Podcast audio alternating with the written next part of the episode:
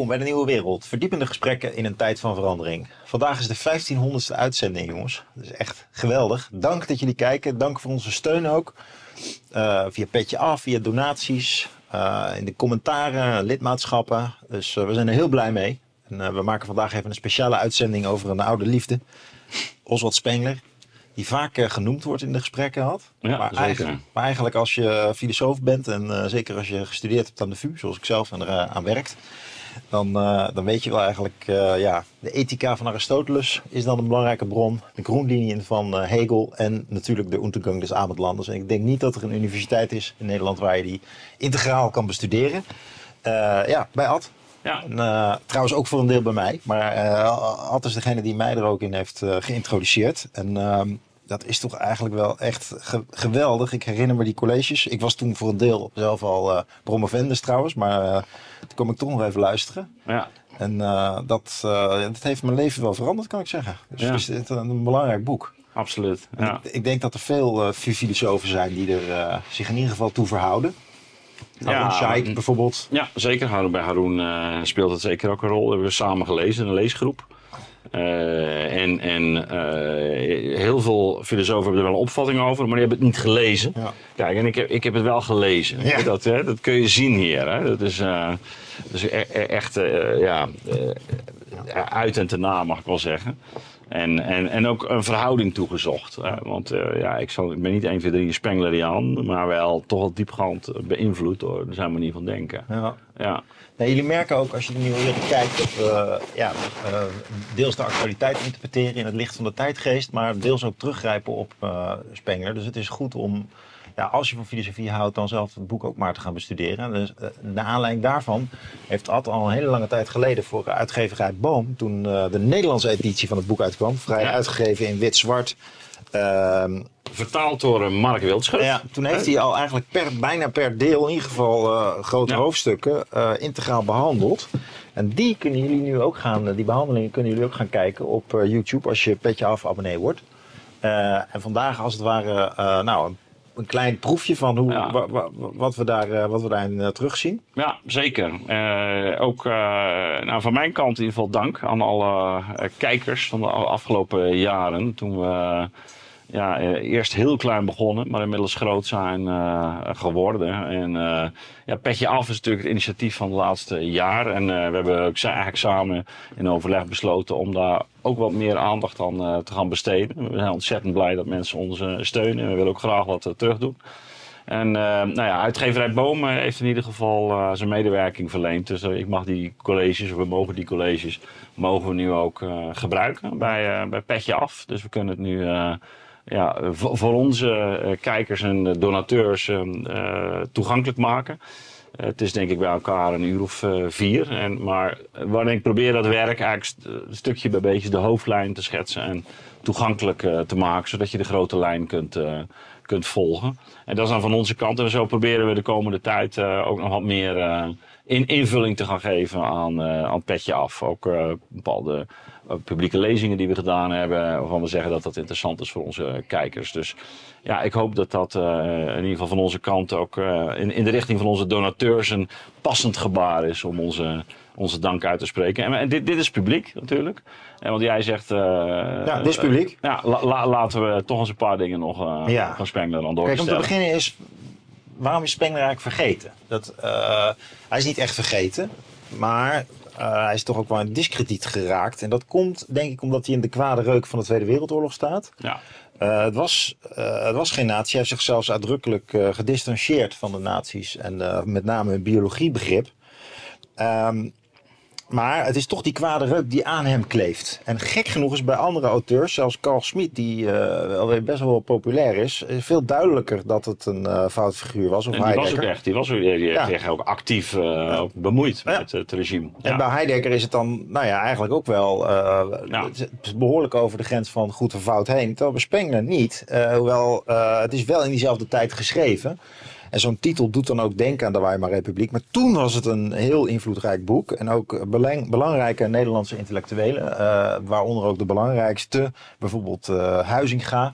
Ja. zeer geïnspireerd door Spengler, heeft ook jarenlang ermee rondgelopen letterlijk. Van, met, met zijn ziel. Zwaar, zwaar drukt het op zijn gemoed. Ja. en als je bedenkt wat voor oeuvre die man heeft geschreven, dat is, daar, kunnen, daar zijn hele generatie hoogleraren overheen gegaan die dat niet meer gepresteerd hebben. En dan heb je het over Huizinga en nog niet over Spengler zelf.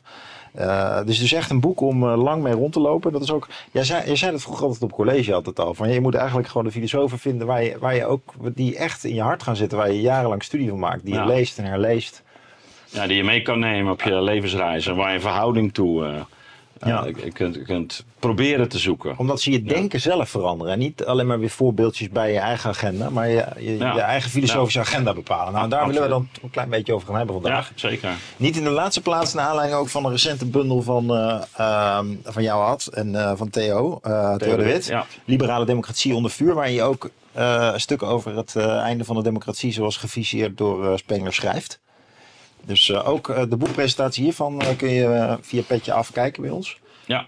Um, ja, als we het nou hebben over de, grond, de grondlijnen van zijn denken, dan um, hij, hij, heeft een filosofische morfologie, zoals hij dat ja. noemt, ontwikkeld. Waarin hij vanuit een formuleer, morfe, probeert te kijken naar geschiedenis. En de ja. geschiedenis van beschavingen de logica daarvan uh, beschrijft. Ja. En um, reeds in de eerste zin zegt hij al zoiets als: Ik ga de geschiedenis vooruit. Ik ga vooruit kijken. Het is dus een futuristische filosofie. Maar eigenlijk in de rest van het boek merk je dat hij gewoon heel diep historisch denkt. En uh, de tijd niet kwantitatief begrijpt. Zo van: Nou.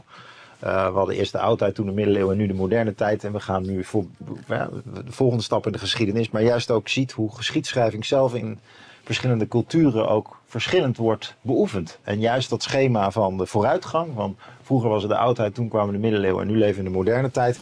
Juist dat is dan bij uitstek eigenlijk typisch voor de cultuur van het avondland. Typisch Faustisch.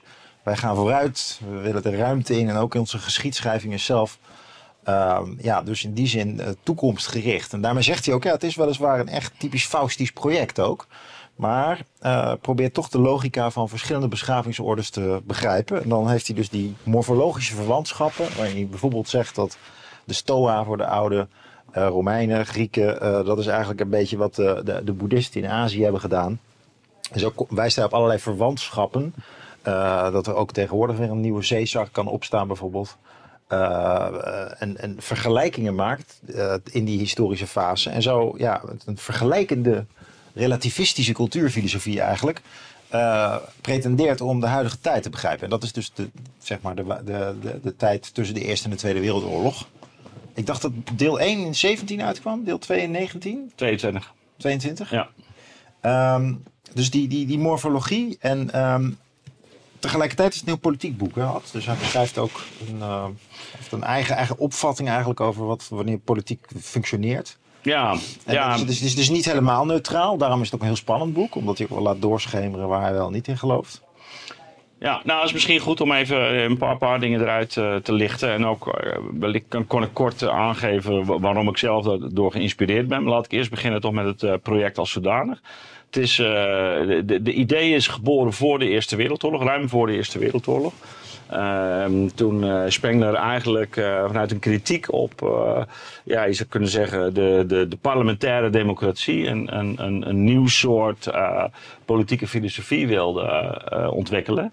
Maar zoals dat vaak gaat bij Duitsers, uh, die, die, dat moet dan wel grondig gebeuren. en uh, hij, um, uh, hij realiseerde zich dat je daarvoor um, ook historisch moet denken. Dus je moet ja, de opkomst van die parlementaire democratie en ook hoe die dan in Duitsland uiteindelijk verschijnt, moet je begrijpen vanuit de geschiedenis. En um, ja, de vraag is dan, ja, maar hè, is het niet gewoon de, de, de reden die op een gegeven moment in de verlichting hè, op een punt komt en zeggen, nu hebben we het gevonden. Dat is eigenlijk het grote verhaal, hè, dat we in de 20e eeuw ook wel gehoor, gehoord hebben met Francis Fukuyama van de liberale democratie. Dat is het einde van de geschiedenis. En, vanaf dat moment uh, hebben we eigenlijk de, de ideologie uh, die, um, waar iedere cultuur naartoe moet bewegen.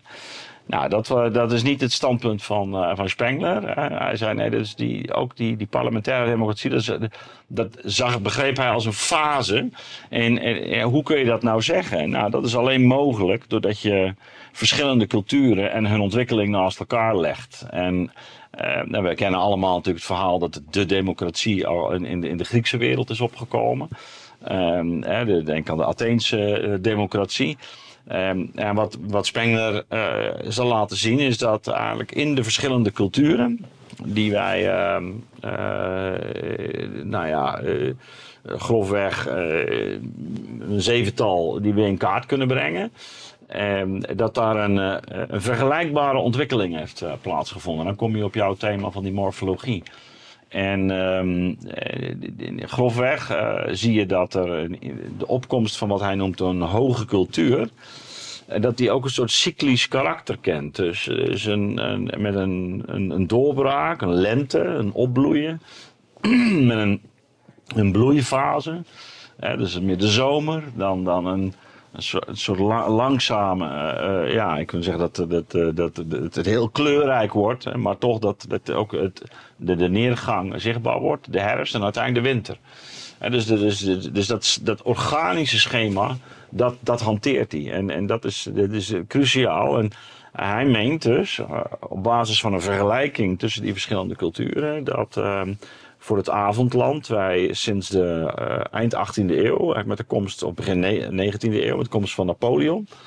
Uh, we, we, in een vergelijkbaar stadium terecht zijn gekomen als de, ja, de antieke wereld uh, ten tijde van Alexander de Grote. Dus dat is een, eigenlijk het ontstaan van, van grotere rijken die, die ook over hun grenzen heen willen. Nou, denk aan de veroveringen van Napoleon.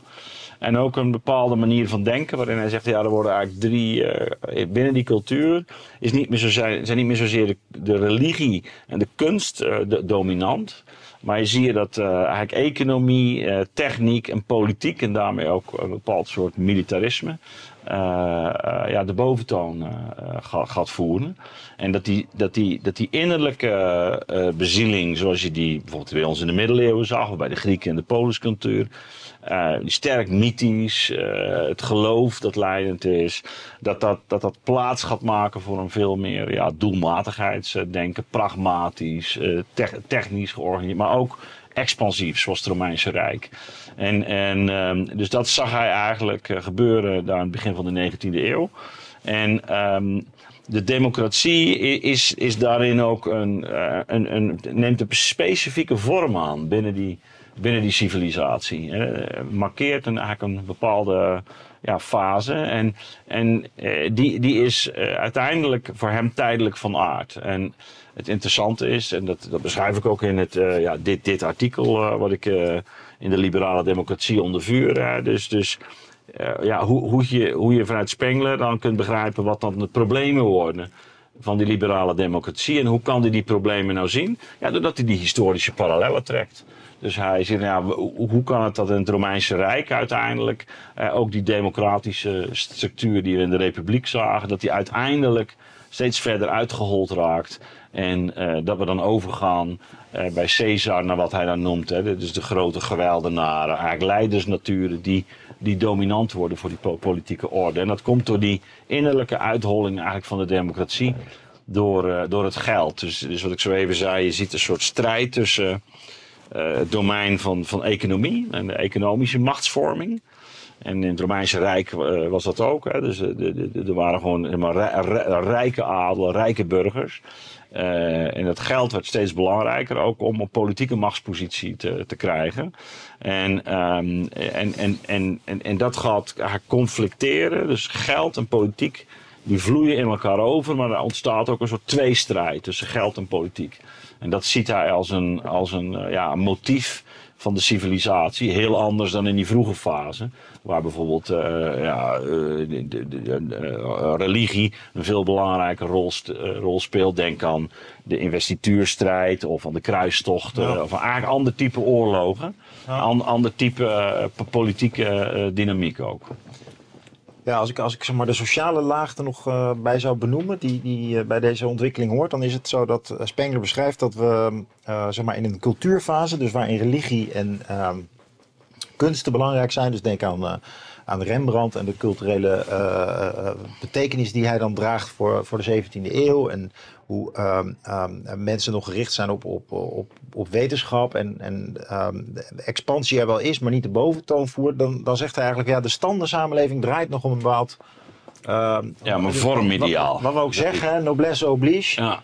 Dus de, de, de, de mensen van goede kom af, die moeten ook zorgen voor het hogere. En die streven ook naar een bepaalde beschaving. En die beschaving die, die, die vermomt dan in wat hij dan de burgersamenleving noemt. Dus de, met de Franse revolutie ook komt al de, de gewone burger eigenlijk aan de macht. En die, maar dat slaat ook door naar wat hij dan de massa's noemt. Ja, dat dus is, het, ja. collectief dat, dat helemaal niet meer vanuit een innerlijkheid leeft, maar gewoon opgezweept wordt door media en politiek. En eigenlijk ehm, niet betekenisloos, maar het, be- het betekenisvolle is, ja, is dus geciviliseerd. Dus men wil gewoon lekker leven, eh, genieten. Het wordt, het wordt platter eigenlijk.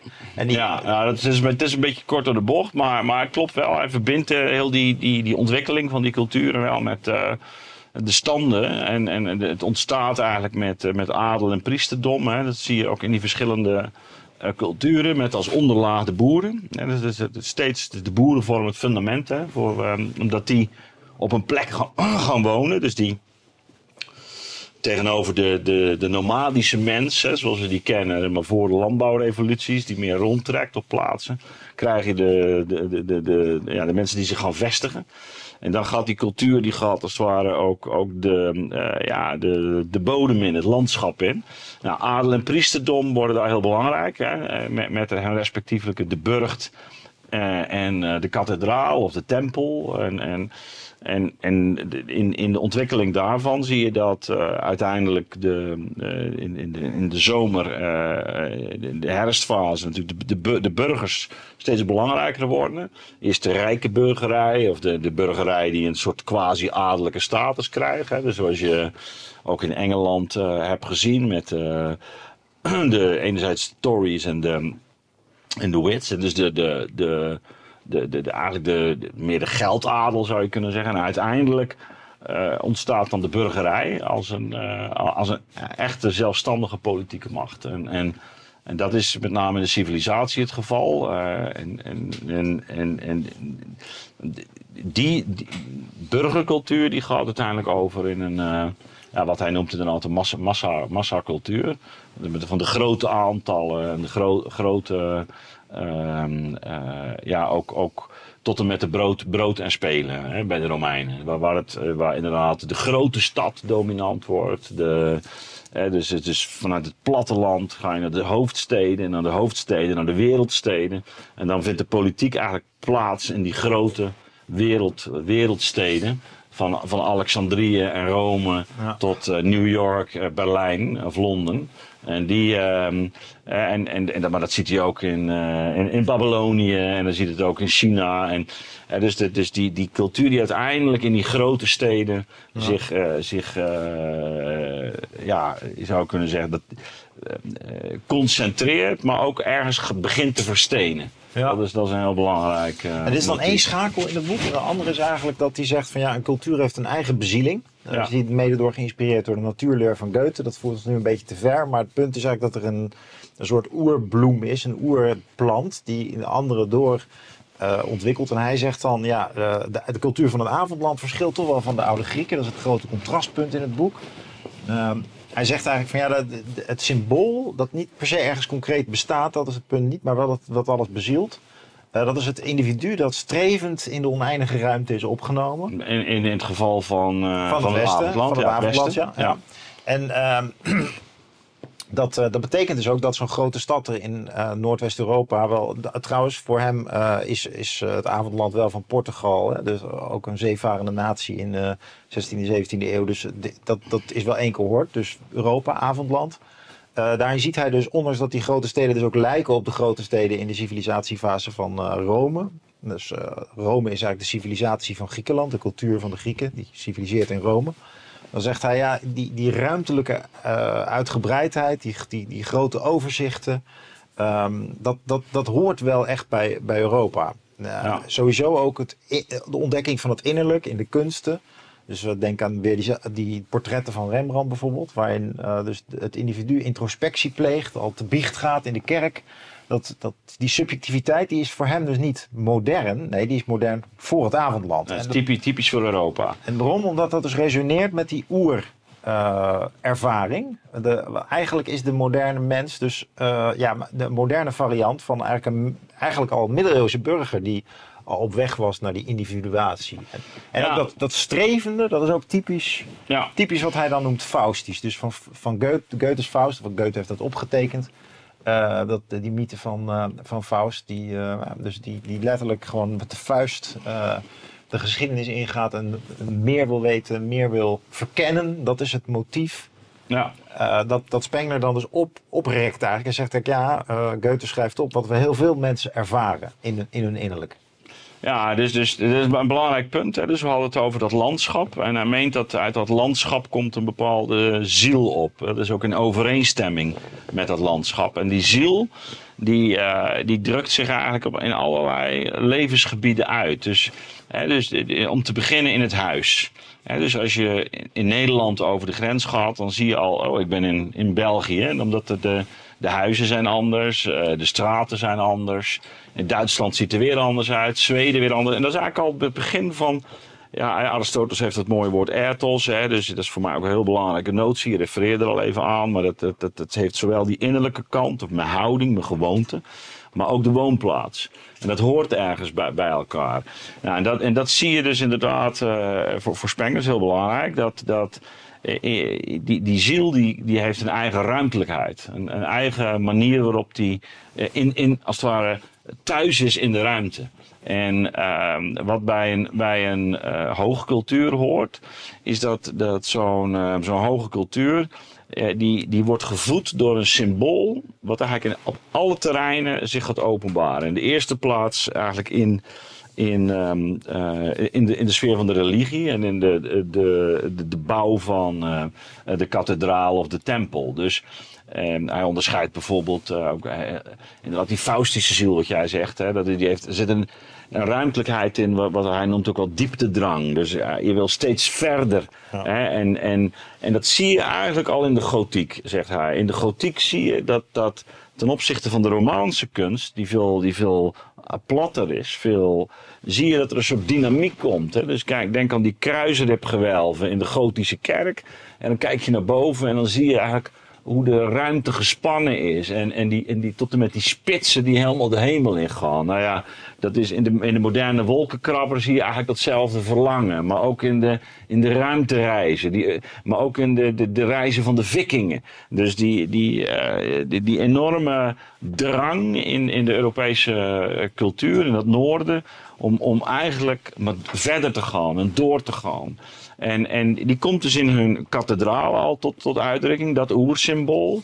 Eh, maar, maar evenzeer in ehm, eh, bijvoorbeeld in, in hun wiskunde. Dus, dus de, we zijn pas veel later zijn we wiskundige berekeningen gaan maken. En met de parabool bijvoorbeeld. Nou, die, de parabolen, die, die type ruimtelijkheid. Die zie, hè, dan zit je in de 16e, 17e eeuw hè, met, eh, met Newton en, en, en Descartes en zo. Eh, maar in de middeleeuwen hadden we die, die ruimte al in die, in die kruisribgewelven. Ehm, eh, de Grieken die, die, eh, die hechten veel meer aan het lichaam. Dus wat jij inderdaad. eh, hij zegt dat, dat, dat, dat oersymbool is eigenlijk het naakte, aanwezige lichaam. Dus een ruimtelijkheid, en je ziet het ook in de Griekse fresco's, eh, waarin de ruimte eigenlijk geen rol speelt. Bij, bij Rembrandt verschijnt het lichaam vanuit de ruimte. In onze schilderkunst zien we dat we de perspectieven gebruiken. Dus de, lichamen verschijnen in de ruimte met een, met een eh, verdwijnpunt. En dat noemen we de oneindigheid. Nou, dat is weer die, dat oneindige streven. Je ziet, kijkt in de verte. Kijk je naar de Grieks eh, fresco, ja, dan zie je eh, dat, dat de ruimte er niet toe doet. Eh, De, de lichamen constitueren eigenlijk de, de, de, de verhoudingen en, en die ruimtelijkheid. Nou, dat geldt ook voor hun idee van een stad-staat. Ook, ook de ruimte is eigenlijk bijna als één lichaam. Bij Plato is het letterlijk. eh, hij begrijpt eigenlijk de staat als één lichaam. Ja. Nou, en dat is, dat is inderdaad heel belangrijk. Ook wanneer we nu kijken van, van waar zitten we nu. Want de Grieken hebben natuurlijk en de Romeinen hebben hun eigen geschiedenis. Ehm, en, en, die hangt en dat hangt samen met dat oersymbool. Maar dat is zo belangrijk, dus dat ze hun eigen geschiedenis hebben. Ehm, Ja, want uh, dus het hele idee van geschiedenis zelf, dat noemt hij eigenlijk ook faustisch. Dus de, de, de historici uit de oudheid vindt hij, vindt hij eigenlijk ook ja, uh, eigenlijk een soort van naïviteit hebben nog. Alsof ze al uh, op een paar uitzonderingen na Tacitus, Herodotus, na drie generaties terug ongeveer vergeten wat er vroeger speelde. Terwijl wij geobsedeerd terugkijken naar het verleden en onszelf ook zien als ja erf, erfgenamen van, van een verleden. Dus bij die bij die ruimtelijkheid van ons hoort ook een sterk historisch bewustzijn. Ja, ja hoort ook een, tijdelijkheid. En uh, je, je, refereerde er al aan, uh, daar kun je nog iets meer over zeggen. Dus, dus het hele idee van een, een uh, oudheid, middeleeuwen, nieuwe tijd. Hè, dat, dat zie je eigenlijk opkomen in, uh, al in de middeleeuwen zelf. Waar de monnik Joachim van Fiore, die, die heeft een, um, een idee van een een ontwikkeling van de mensheid vanuit de drie-eenheid van God: Vader, Zoon, Heilige Geest. En dan, is de, het, dan heb je het Rijk van de Vader bij Joachim. Rijk van de Vader waren de Joden. Dus met, uh, met uh, Yahweh. Dus, eigenlijk de, dus het Rijk van de Vader, hele patriarchale ook. God de Vader. Het Rijk van de Zoon. Dat is uh, eigenlijk de, de, de vroeg-christelijke gemeente, zoals we die in het Nieuwe Testament kennen. En dat doorloopt met Karel de Grote en, en, en, noem maar op. Katholieke kerk speelde daar ook een rol in. En, en Joachim uh, meende van er is nu een nieuwe fase aangekomen. En dat is de fase van de voltooiing, van de vervulling, van het einde. En dat is, de, dat is het Rijk van de Geest. Vader, Zoon, Heilige Geest. En die Heilige Geest is eigenlijk de afronding van de, van de geschiedenis. Ook al het einde van de geschiedenis. Ja. En, en Joachim meende dat met, met de komst van uh, de gotiek, hè, die, die, die, die, in, in Europa zie je plotseling dat overal, en, en, als je Frankrijk op het platteland bent, dan zie je het ook, in Nederland her en der ook. En dan zie je gewoon de, bijna de kerken als paddenstoelen uit de grond komen, zo, 12e, 13e eeuw, allemaal die, uh, iets eerder al. Maar en, en dat is echt in een mum van tijd, en dan zie je die gotiek. En hij voelde dat, die geest van de gotiek. En hij zei, ja, dat is een nieuw soort christendom wat hier eigenlijk, dat is de vervulling. Ja. Dat is een ander soort Dat christendom. eigenlijk het begin was van de avondlandse cultuur. En dat was het, dat was het begin. Maar vanaf dat moment zijn we steeds in, in, in dat drieledige schema gaan denken. Ja, ja. Dus, dus, die, dus, dus toen we in de nieuwe tijd kwamen, dan zeiden we, nee, oudheid, middeleeuwen, nieuwe tijd. En bij Hegel zie je ook eh, eh, de, de onmittelbaarheid en dan de entfremdung en dan uiteindelijk de verzoening.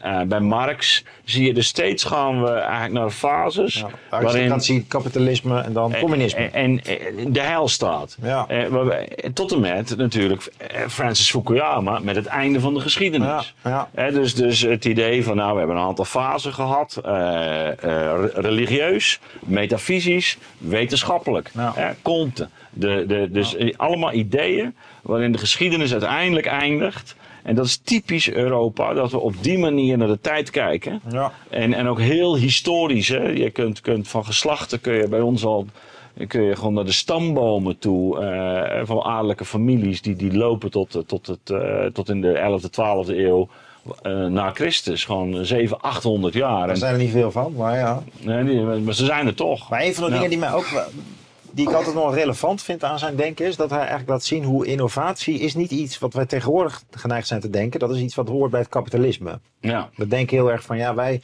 wij zijn een moderne maatschappij. Wij zijn gericht op vooruitgang. En die vooruitgang is eigenlijk gegeven met de moderne emancipatie eh, van de vrouw, van, de, van de burger. Ehm, en, en ook dankzij de technologie. En het is, dit is een halve waarheid. Mhm. Want die andere helft is dus dat Spengler heel mooi laat zien hoe onze, wij veel meer cultureel gesproken en ook religieus gesproken in feite al, gebrand zijn op dat willen vernieuwen, dat grenzen leggen. Absoluut. Dat hij dus al Ja, terugbrengt en het naar- vernietigen steeds van het voorafgaande, zegt hij ook. En dat zie je in de Ja. barok ook. Ja. En in de, en, de stijlen, waarbij we de voorafgaande periode eigenlijk... eh, Ja, net als Picasso al. Dus het is helemaal niet. eh, ik bedoel andersom. Dus Picasso is niet de eerste kunstenaar die dat doet. Dat is wel waar we van meet af aan mee bezig zijn. Ja, ja, we dus dat echt- willen doorbreken. En ik, ik vind dat wel heel veel innovatiedeskundigen hebben dat niet goed door, vind ik. Dat het, het is niet alleen maar een technisch-economische beweging. nee, Het absoluut niet. Dit is eigenlijk een dieper motief. Absoluut, ja. Dus, En dit- is dus zelfs de emancipatie zelf ook. Die is eigenlijk ook dieper. Absoluut, ja. Het is, het is voortdurend die behoefte om eh, ja, toch ook te hervormen, af te breken en opnieuw in te, in te richten. En, eh, en, en, en dat zie je inderdaad ook op gezette tijden in, in onze geschiedenis. En dat stijlperiodes ook binnen de kunst. Hè, maar ook denk bijvoorbeeld aan, eh, aan, aan eh, de, de, de hele eh, omslag in de 16e eeuw, het protestantisme, de iconoclasme, de beeldenstorm. Dus je vernietigt echt de voorafgaande Ja. periode. Ja. En ehm, nou ja, dat keert met de verlichting ook weer terug. Hè? Want de, ver- ver- de verlichting, eh, als je ziet hoe de Fransen daar in de, hebben huisgehouden in de eh, eind van de 18e eeuw. hè, met met de, de Notre Dame, dat werd het huis van de reden. En er werd een soort halve orgie opgevoerd. En dat was een.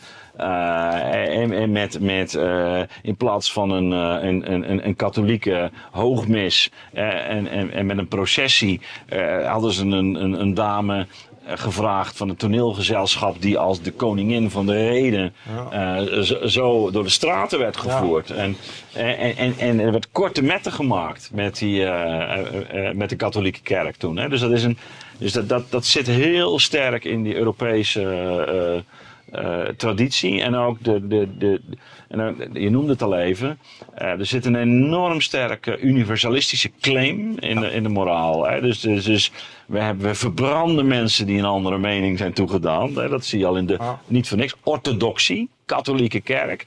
Eh, en, en mensen laten, zijn ook bereid om zich te laten verbranden. Hè. Dat is dus ook nog een keer. eh, eh, Omdat ze een ik zijn in die ruimte en ze, gaan niet op hun, op, hun, op hun knieën. En dat is een. eh, ja, als je dat eenmaal doorhebt, van toch die, die, ook die gewelddadigheid, ook in die Faustische ziel. eh, ja, dan begin je wel lange motieven te zien in onze geschiedenis. En ook waar we nu zijn. En, en eh, hoe we ons nu op het wereldtoneel manifesteren. Want ehm, ja, Ja, we hij, hij, hij, hij heeft hier natuurlijk die dubbele schaal. Hè? Dat hij aan de ene kant zegt van eh, we zijn dus eigenlijk intolerant van nature. Omdat onze Ja. moraal is die toch van eh, ja, de eigen wil opleggen aan anderen.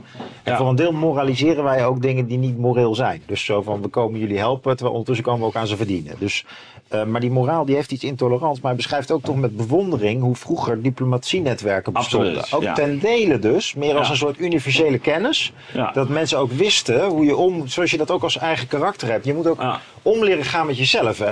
Je weet op een gegeven moment hoe je jezelf op een feestje gedraagt. Zeker als je een bi- biertje op hebt of zo. Dus je, moet, je, je moet je ten opzichte van jezelf leren verhouden. En hij zegt eigenlijk in die cultuurfase zijn we eigenlijk goed, ges- eh, goed in staat om, die, om dat onze eigen manipulerende moraal, om dat ook te begrijpen en te vatten. En in die civilisatiefase is een soort van, ja, alsof, alsof alle decorum ook verloren gaat. Alsof we gewoon ook, en dan een soort, ook in die moraal, dus een soort verharding optreedt. Ja. Waarbij de andere snel verketterd wordt. En, ja, en, nou ja, het, kijk, het hangt ook samen met eh, wat ik zo even al zei. Inderdaad, die verschillende fasen. Hè, dus inderdaad. En kijk, eh, vergeet niet dat bijvoorbeeld die organisatie van de katholieke kerk in de, in de middeleeuwen. Dat had natuurlijk al helemaal een netwerkstructuur. Hè. Je was in een paar stappen was je van de paus bij de gelovigen. Hè. Dus gewoon via de priester, ja, de ka- kardinaal, heel hiërarchisch. maar, maar toch. Eh, hè, maar ja, maar ja, het was helemaal een net, netwerkstructuur. En dat, dat kenden de Grieken helemaal niet. Die, die godsdienst was helemaal, op, niet, helemaal niet op die manier gevormd. Maar ook hier zie je eigenlijk alweer dat strevende ik in die oneindige ruimte. Datzelfde geldt voor die kabinetsdiplomatie. Dus, dus hoe eh, ja, je in de middeleeuwen ziet hoe eh, die kabinetten van een, van een, eh, van een, een, een, een koning of een, een, een, een baron, hoe, die dus, dus eigenlijk dat spel speelt door de ruimte heen. Hè, waarin je ziet met hoe, families met elkaar verbintenissen aangaan. Hè. Denk, denk bijvoorbeeld de vermenging van het Spaans koningshuis met het Duitse, met het, met het. Engelse koningshuis. Dus dat was gewoon eigenlijk één grote pool hè, van families. eh, die, eh, waar, waar de diplomaten door huwelijken, door Ja. eigenlijk eh, invloed aan het uitoefenen waren. En, en, en, en, en daar hoort dus die diplomatie ook bij. Eh, waarin je wel degelijk eh, eh, natuurlijk probeert, denk ook aan het Spaanse Rijk wat we hebben zien opkomen, probeert dus die, die macht uit te oefenen. Dat zie je in Europa heel sterk. Maar dat ging op een andere manier, inderdaad, dan, dan dat we dat in de 19e en 20e eeuw zien. En, want daar wordt de ideologie heel belangrijk. Dus daar de, en, en, en, dan zie je ook het, hoe het nationalisme heel belangrijk eh, wordt. En dat hangt samen met de opkomst van democratie en nazistaatdenken, vol, volksdenken, de burgers, de burgerlijke identiteit. Hè. Denk aan Vive la France. En dat is een. ehm, Dus een hele sterke beweging waar we ons vervolgens in de, in de, 21, of de 20e eeuw natuurlijk ook weer tegen gaan verzetten. Denk aan de jaren 60. Hè, met, met al, nou ja, goed, ik heb het uitvoerig beschreven, die, die, die omslag. Maar Dus we hebben dan, dan hebben we al wat gezegd over hoe je innovatie vanuit spelen kunt interpreteren. Eh, iets over moraal, moralisme. En dan dacht ik als derde thema nu eh, wel benieuwd eh, globalisering. Omdat globalisering natuurlijk aan de ene kant typisch faustisch is. Dat grensoverschrijdende. Maar aan de andere kant ook helemaal... Dus een uitnodiging om daar even op te reflecteren. Ook met het oog nu op de spanning tussen de globale wereldorde ja, ja, die, eh, en, en, eh, de, en de rol van de natie staat daarin. Ja. Omdat hij natuurlijk ook zegt dat, dat ook dat historiseert hij. absoluut. absoluut. En Nee, een dus- groot vraagstuk nu. ja. Dus de, Ja, dus hij karakteriseert eh, de toestand van eh, het Westen eh, in, in de 20e eeuw. Dat is de periode van de strijdende staten, zo noemt hij dat. En dat laat hij ook parallellen zien in, eh, in de verschillende historische eh, eh, periodes. Eh, dat, is dat, en dat zie je in de 19e eeuw, hè, hoe die staten eigenlijk allemaal tegen, tegen elkaar gaan. Dat, dat duurt dan een, voor hem een aantal eeuwen. En waarbij die uiteindelijk grotere machtsconcentraties gaan ontstaan. Dat is eigenlijk dus de, hoe de, de nationale staat ja. en eigenlijk verd- ja, verdwijnt of minder machtig wordt. En, en dat de grote ehm, ja, na- nation, of, eh, transnationale eigenlijk rijken eh, gaan, eh, gaan ontstaan. Nou, globalisering is natuurlijk een. hij spreekt er niet op, in, die termen over, maar ehm, eh, dat ligt wel in het verlengde van deze gedachte. En dan zie je natuurlijk al dat de economie een, ehm, eh, een centrale grootheid wordt. Dat is het eerste. Maar voor Spengler is economie ook altijd op de macht van geld. Ja, dus dat is, dat is heel belangrijk. Dus het is een andere. Het is ook gewoon, economie is voor hem ook eh, een, een, een, een, machtsstructuur. Dus dus eh, inderdaad, waar we over eh, onze BlackRocks eh, Ja. van deze wereld spreken. Dus, dat, daar worden, dus dat, is, dat is het eerste. Daarnaast, ook heel belangrijk, de, die, die saam, dat samenspel met techniek. Dus globalisering bij ons is, is onlosmakelijk verbonden met techniek. Je, eh, eh, sowieso, eh, dat, dat zie je al in de, in de globalisering van de 16e eeuw. Je hebt schepen nodig die dat kunnen. Je hebt een, kompas nodig, landkaarten, al, die. En dat gaat natuurlijk steeds verder. Hè. En, en hij spreekt ook al over die faustische verte technieken. Hè. Dus wij doorkruisen eh, ruimte en tijd. En eh, we, we kunnen met vliegtuigen, met de trein, we kunnen met eh, de, de telefoon, de telegraaf. Allemaal tele is ver. Hè. Dus afstandsoverbrugging en versnelling. Dus dat is een heel, belangrijke. Nou, en, en daar hoort dan natuurlijk vervolgens ehm, eh, ho- hoort daar natuurlijk ook eh, het hele, de rationaliteit bij. Hè? Dus, dus hoe je dat allemaal organiseert, hoe je het uitrekent, hoe je het berekent. En, en de instituties die daarbij horen. Nou, en en, en tot, tot slot, en heel belangrijk, eh, natuurlijk de pol- politieke act- actorschap. Moet, ja, je moet zorgen dat je. Ehm, eh, dat je orde houdt, dat mensen meekomen, dat, dat eh, het wordt georganiseerd door staten, door, dat er bij conflicten dat staten ingrijpen. En dat is dat, dus dat hele samenspel. Nou, globalisering is dan eigenlijk, eh, zo, zoals we dat kennen in de, de kolonisering in, in de 19e eeuw, eh, is al hoe het Westen eigenlijk die, die hele ruimte gaat eh, bestrijken. En, en, en dat op een bepaalde manier volgens haar principes gaat inrichten. Bijvoorbeeld via Adam Smith of zo. Of haar juridische orde gaat opleggen. Anderen dwingt om daar zich aan te onderwerpen. Dat is wat de Chinezen noemen de eeuw van de vernedering. Eh, dus de, dus de, en, en we zitten nu in een fase waarin, ehm, ja, de, de- ik zou kunnen zeggen, een deel van die, eh, heel die westerse eh, erfenis van de civilisatie, die is natuurlijk bij andere landen terechtgekomen. Ook zij gebruiken nu techniek, ook zij gebruiken die, die rationele organisatie, ook zij hebben die instituties overgenomen. Eh, alleen, eh, ze hanteren een andere politiek. En dat is waar iemand als Samuel Huntington, eh, die overigens ook uitdrukkelijk aan Spengler refereert, al in de jaren negentig van de vorige eeuw over spreekt, wanneer hij zegt, ehm, ja, modernisering is niet hetzelfde als verwestersing. Hè, en, en dan dan gaat hij eigenlijk ook van die ziel uit. Dus die Chinese ziel, of die Russische ziel, of die India's eh, ziel, die pakken wel dingen op. Maar die worden eigenlijk niet fundamenteel uh, door één motief, namelijk dat ik, dat strevende ik, uh, dat is niet zozeer richtinggevend. Dus het, het idee ook van vrije individu of de macht van één individu is, is uh, voor hen veel minder belangrijk. En dan, dan zie je dat, dat ja, we nu in een proces zitten van, van globalisering waarin die westerse agenda, die zo uniform was en dominant, hè, waarbij we zeggen, ja, we hebben ook afstand genomen van van, van, van de kolonisering. Ja, maar we hebben wel één moraal met, eh, die we hebben uit, uitgerold. Met een bepaald type economie dat daarbij hoort. Nou, en daar, en daar lopen uh, samen met de techniek is dat natuurlijk weer mondiaal uh, uitgerold. En we zien nu natuurlijk overal ja, een soort tegenkrachten opkomen. en in het Westen zelf, met name in Amerika, heel die problematiek die hij ook heeft geschetst, dat die democratie zelf in een crisis raakt mede als gevolg van, van het geld en alle machtsbelangen die daar, die daar spelen. En dat is denk ik ook de situatie. En, en, en daar hoef je geen Spengleriaan voor te worden of te zijn, dat ben ik ook niet. Maar die, die hij heeft denk ik, uh, omdat hij zo die, met die historische parallellen werkt, heeft hij wel een soort, soort ja, in, innerlijke spanning binnen die democratieën in de context van globalisering, heeft hij wel blootgelegd. Ja, dus, ik liep, even leeg, eh, Jelle, maar... Uh, ja. ja. ja. dus met andere woorden ook, dus de, um, globalisering betekent niet dat iedereen in de wereld zich zo gaat gedragen als wij. Nee, dat is... Uh, en, dat en, is, en, en mensen, mensenrechten, dat is iets zoals wij kijken naar uh, individuen en zoals wij kijken dat instituties individuele levens mogelijk moet maken. Terwijl, ja, dat is misschien ergens anders niet zo.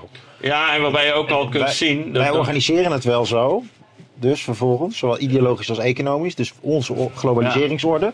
Maar we hebben eigenlijk nog niet door dat. Uh, dan net suggereer je toch een beetje van ja, globalisering economisch en technisch. Maar ook hier heeft Spengler natuurlijk ook wel weer als groot inzicht eigenlijk. Dat ja, globalisering is ook iets dat we gewoon letterlijk organiseren. Wij zijn, wij zijn gericht op globalisering. Ja, nee, maar daarom zeg ik ook. Het is, het is, het is geen natuurgegeven. Wij dringen die globalisering ook aan onszelf ja, op. Ja, absoluut. Dus uh, dat, dat noemde ik ook met die politiek. En ook economie is voor hem, dat zijn dus krachten. Hè? Ja. Dat is niet uh, van ja, de economie. Nee, dat zijn krachten met agenda, maar die techniek ook. We willen verder, we willen verder.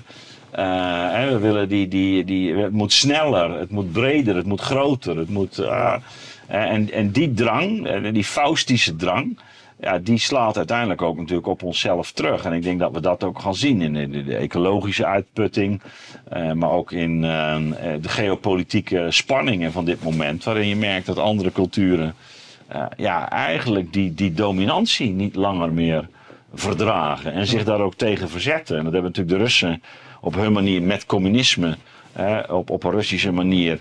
In, in, de, in, in, in, in het begin van de 20e eeuw eigenlijk uh, laten zien.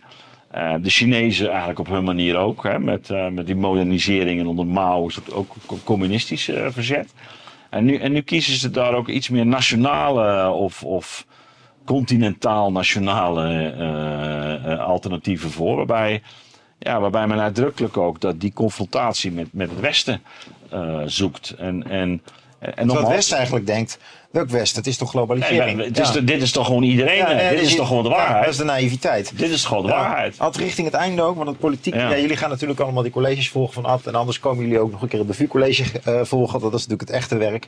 Uh, zelf lezen ook. Maar nog even de essentiële... Ja, maar dat is misschien wel goed dat je het zegt nu je er toch over begint. Hè. Dus, dus uh, die uitzendingen die worden inderdaad nu met een periode om de twee weken worden die erop gezet. Maar het is leuk om mee te lezen. Dus dan moet je... Kijk, dit, is, dit was mijn Bijbel. Maar dit is dit, zoals je net liet zien, dus die Nederlandse vertaling. Ja. en, het is gewoon in de uh, Rams verkrijgbaar, is ook niet duur. Het, nee, het is... Het, is, het, is, het was veel duurder. Het was veel duur, dus het is heel betaalbaar. Ja. En uh, ja, dan, uh, het, is ook, het is ook goed leesbaar, maar je moet wel het overzicht bewaren. En daar helpen die, daar helpen die colleges denk ik heel goed bij. Denk Tenminste, ik hoor er hele goede ja. reacties op. Dus, dus word lid sowieso van Petje af, steun ons. Maar voordat ik stop, toch nog even ja. de spirituele, existentiële kant. Want kijk, Spengler beschrijft dus ook die ziel die uh, in eerste zin cultureel en uh, religieus wordt ja. uh, ingevuld. En dat is dan het idee van ja, dat je als individu eenzaam in, in, in, de, in ja. de, ruimte streeft. Hè? Ja. En um, je ziet ook wel uh, dat dat in mensen als Elon Musk nog belichaamd wordt.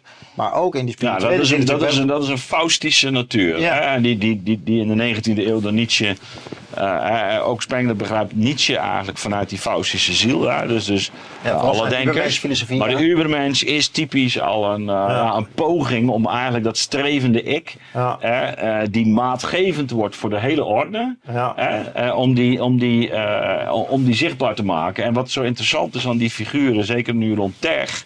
eh, maar je zag het in het verleden ook al bij, industriële à la eh, eh, Anton Philips en zo.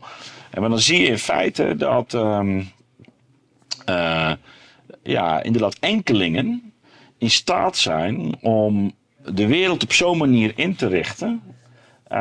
dat, dat wij allemaal op een bepaalde manier daarvan afhankelijk zijn. En ook eh, ja, zelfs in de vorm van ons leven. Eh, mede door hem bepaald worden. Dus een, een Zuckerberg, die, die legt gewoon met zijn Facebook, heeft hij en WhatsApp. En eh, had hij heeft nog Instagram, dat weet ik eigenlijk niet, maar Ja. ja, toch? Dus, dus die, die legt eigenlijk al een bepaalde levensvorm op. Met een, met een eh, eh, sharing is caring en zo. Ja. En de, dus een, een bepaald moreel ideaal wat universeel wordt, wordt, wordt gemaakt. Nou, dat is wat, wat Spengler eigenlijk noemt eh, socialisme. Eh, hij zegt ja, socialisme, dat is ook heel fundamenteel om dat te zien. Ik werk het ook in, in eh, dit, dit artikel, eh, de liberale democratie onder vuur, in, werk het vrij ver uit. Socialisme is eigenlijk de typische ethiek van het avondland. Want vanaf, de, dus vanaf het westen, vanaf de, in de civilisatiefase zie je dat eigenlijk de vraag naar het goede leven, waar die Grieken die beantwoorden met hun ethiek en uiteindelijk de Stoa, hè, Ja. daar zie je het naakte lichaam. Stoa is, ja, dat kan Laat de wereld ook maar wat voor dat is. ja, en nou, dit kan, nou nee, ik kan wel, maar ik, ik, ik zorg dat ik overeind blijf. Hè? Ik laat me niet. Ja. Hè? Dus, dus, dus eh, Marcus eh, Aurelius, ja, die houdt gewoon stand. Is keizer, maar eh, heeft geen illusie over de beheersbaarheid, maar zorgen dat je onaantastbaar, onaangeraakt wordt. Ataraxia. Nou, hè, de ataraxia. En, en inderdaad, eh, het kenmerk voor het, voor het avondland hè, is dat, eh, hij zegt in, en dat zie je eh, al in de 19e ne- eh, ethieken van de verlichting, die gaan allemaal naar, de, eh, naar, naar de, het algemene toe. Dus iedereen, hè, dus dat universele waar ik het over had, maar ook eigenlijk de, de maatschappelijke situatie. Dus, dus, eh, dus vanaf de 20e eeuw zie je dat ethiek wordt in feite maatschappijkritiek. Eh, dus alles gaat over maatschappelijke verhoudingen, maatschappelijke Je mag niet te achterstanden. rijk zijn. eh, re- verspreiding van rijkdom, welvaart, arbeidsomstandigheden, scholing. eh, Slachtoffers van het eh, verleden. dus al- alles, en, en dat moet worden ingericht. Dus dat is weer die ruimte die je inricht. Ja. En daarom spreekt hij over dat socialisme. Dus dat is sterk economisch gericht, heeft te maken met techniek en heeft te maken met uniformering van die, van die ruimte. En, en dat is natuurlijk. Wij, wij zien niet eens meer hoe bijzonder dat, dat is voor, Ja. voor ons. Het is wel zo dat natuurlijk andere culturen dat ook over hebben genomen in meer of mindere mate. Maar bij ons echt de neiging. En, en, en ik denk dat mensen dat ook ervaren nu als iets heel bedrukkends. Ja, dat je kan wel zeggen individuele vrijheid. En dat, daar klinkt iets van het Faustische oersymbool en door.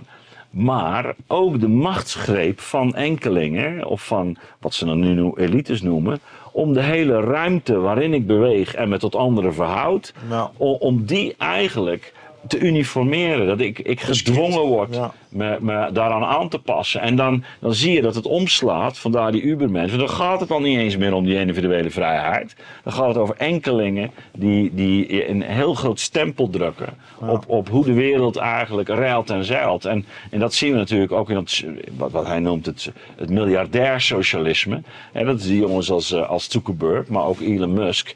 Ja, dat zijn individuen eh, economische topspelers, technologische topspelers, maar die, be- die, die bepalen voor een groot, voor een aanzienlijk Ja. deel. Maar dus wel in een, dat is weer hetzelfde innovatiepunt, dus wel in hun attitude ook. Dus het is niet hun technische of economische Nee. kracht alleen. Nee, Nee, Het is een het is- moraal. precies. Het is een Maar dan niet die moraal van het socialisme alleen, maar ook een diepere ondernemersmoraal. Hè? Dus, de- dus het- Ja. dat is die Ja. faustische kracht. Dat is Faustisch, Socialisme maar- trouwens dus niet in de Nee, betekenis dat- van communisme, maar dus een soort variant van kapitalisme. Nee, wat ik, zoals ik het zo even schetste. Hè, dus het gaat niet om, eh, om, om politieke theorie à la eh, de Partij van de Arbeid. Dat is maar een uitvloeisel daarvan.